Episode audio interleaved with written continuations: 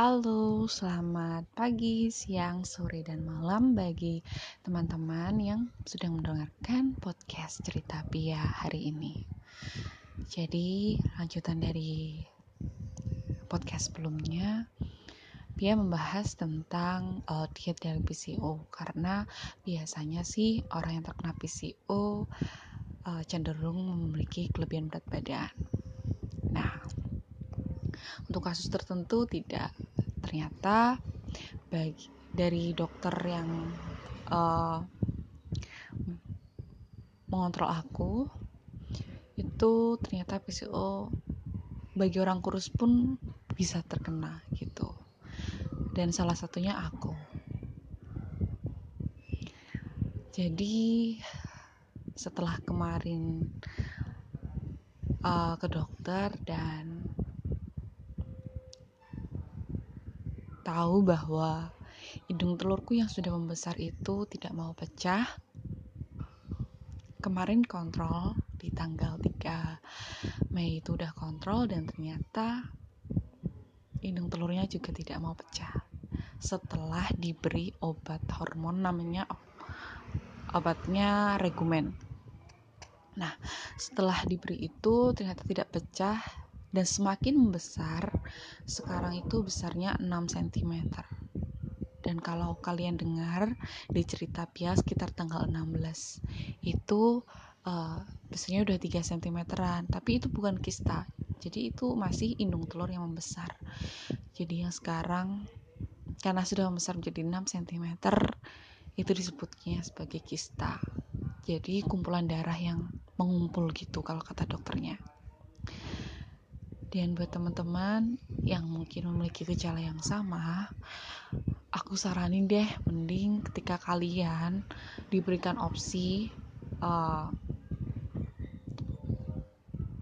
menunggu ovulasi secara manual atau normal atau disuntik injeksi, mending kalian langsung suntik injeksi. Kenapa? Ya sebenarnya sih untuk kalian tahu sebenarnya kalian tuh memiliki masa ovulasinya normal enggak memang dia harus nunggu secara normal. Tapi takutnya kalau seperti aku ternyata aku memiliki masa ovulasi yang tidak normal gitu. Jadi aku ada gangguan ovulasi di mana uh,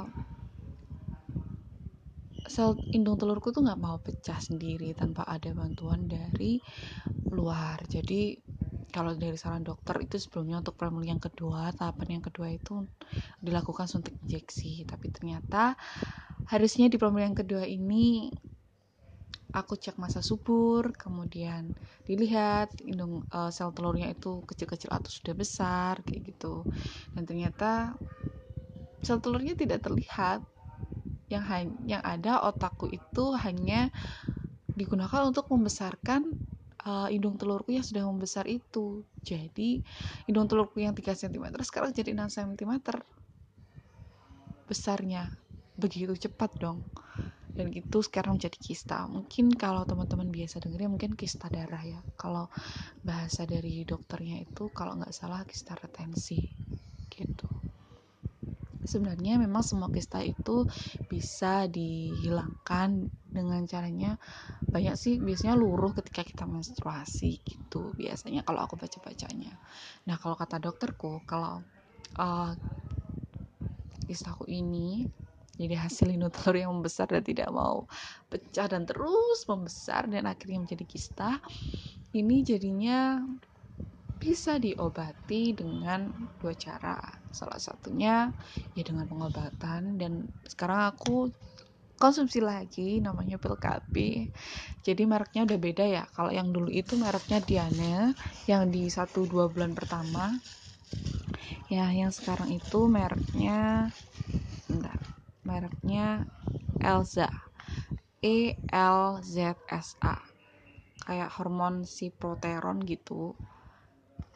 Di keterangannya seperti itu. Aku nggak tahu ini bedanya dengan Diana itu apa. Yang jelas ini juga tergolong obat keras gitu teman-teman.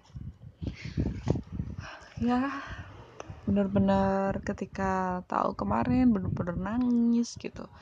Nangis gak selesai-selesai dan lama sekali. Padahal dulu di diagnosis PCOS itu masih apa ya biasa aja gitu kan. Karena temanku tuh banyak yang terkena PCOS dan mereka juga hamil gitu. Tapi setelah penekanan hormon satu dua bulan itu terus kemudian mulai promil dan ternyata di promil tahap pertama sudah gagal gitu kan belum berhasil dan malah menimbulkan penyakit baru salah satunya kista ini lagi dan uh, bikin sebenarnya mental kita itu benar-benar down gitu. Di mana kita benar-benar diuji banget. Jadi untuk kalian yang sedang pada masa promil kayak gitu uh, kalian benar-benar kuat sekali. Bagi kalian yang sudah berhasil kalian berarti kuat sekali. Kalian pasti ada sih yang kebetulan yang di barengan aku waktu uh, promil di dokter ini tuh ada yang satu siklus itu udah berhasil. Dan aku ketika satu siklus tulnya seintung telurnya nggak mau pecah dan ketika di hormonnya dialihkan dengan obat regumen ternyata tidak berefek malah efeknya membesarkan indung telurku sehingga menjadi kista gitu. Ya buat teman-teman yang sedang berjuang juga untuk menjadi uh, untuk capai garis dua kita harus saling semangat kita harus saling menyemangati karena aku tahu bagi kita pengidap PCOS ini sebenarnya juga gampang-gampang mudah gitu. Dan aku menyadari bahwa dalam beberapa waktu ini sekitar tiga mingguan ini pokoknya selama Ramadan ini aku sama sekali nggak olahraga dan pola makanku juga tidak teratur. Entah itu mungkin efek juga efeknya juga atau tidak aku juga tidak tahu. Tapi kalau kata dokter memang reaksi dari obatku itu seperti itu di badanku. Malah membesarkan si indung telurnya gitu. Dan yang perlu dijaga itu adalah stres. Aku juga nggak tahu teman-teman kenapa aku juga stres gitu. Aku juga nggak ngeh sebenarnya apa yang aku pikirkan apa yang aku yang bikin aku stres itu aku juga nggak ngeh sebenarnya itu apa. Sebenarnya aku sendiri juga tidak ingin memper apa yang memperberat gitu tentang uh, apa yang aku idap gitu. Tapi nggak tahu juga kenapa bisa stres. Ya sedang me, apa ya sedang berusaha juga juga untuk tidak berpikir terlalu dalam gitu. Terhadap sesuatu atau mengenai masalah yang menimpa di kita gitu. Sebenarnya kan kalau kita berpikir kenapa Tuhan gitu ngasih ujian ke kita itu kan pasti karena sebenarnya kita itu kuat gitu teman-teman. Kita itu kuat dibandingkan teman-teman yang lain gitu. Makanya Tuhan ngasih ujian yang berat untuk kita.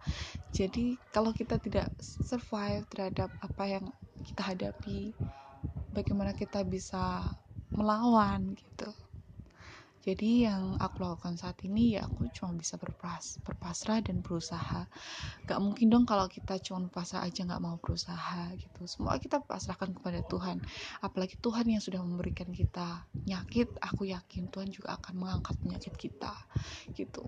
Aku yakin setelah ini Tuhan akan memberikan sesuatu yang lebih indah dari apa yang kita bayangkan sebelumnya gitu ini ngomongnya udah berkaca-kaca banget ya teman-teman. Mungkin karena sebenarnya aku tuh orangnya cengeng gitu.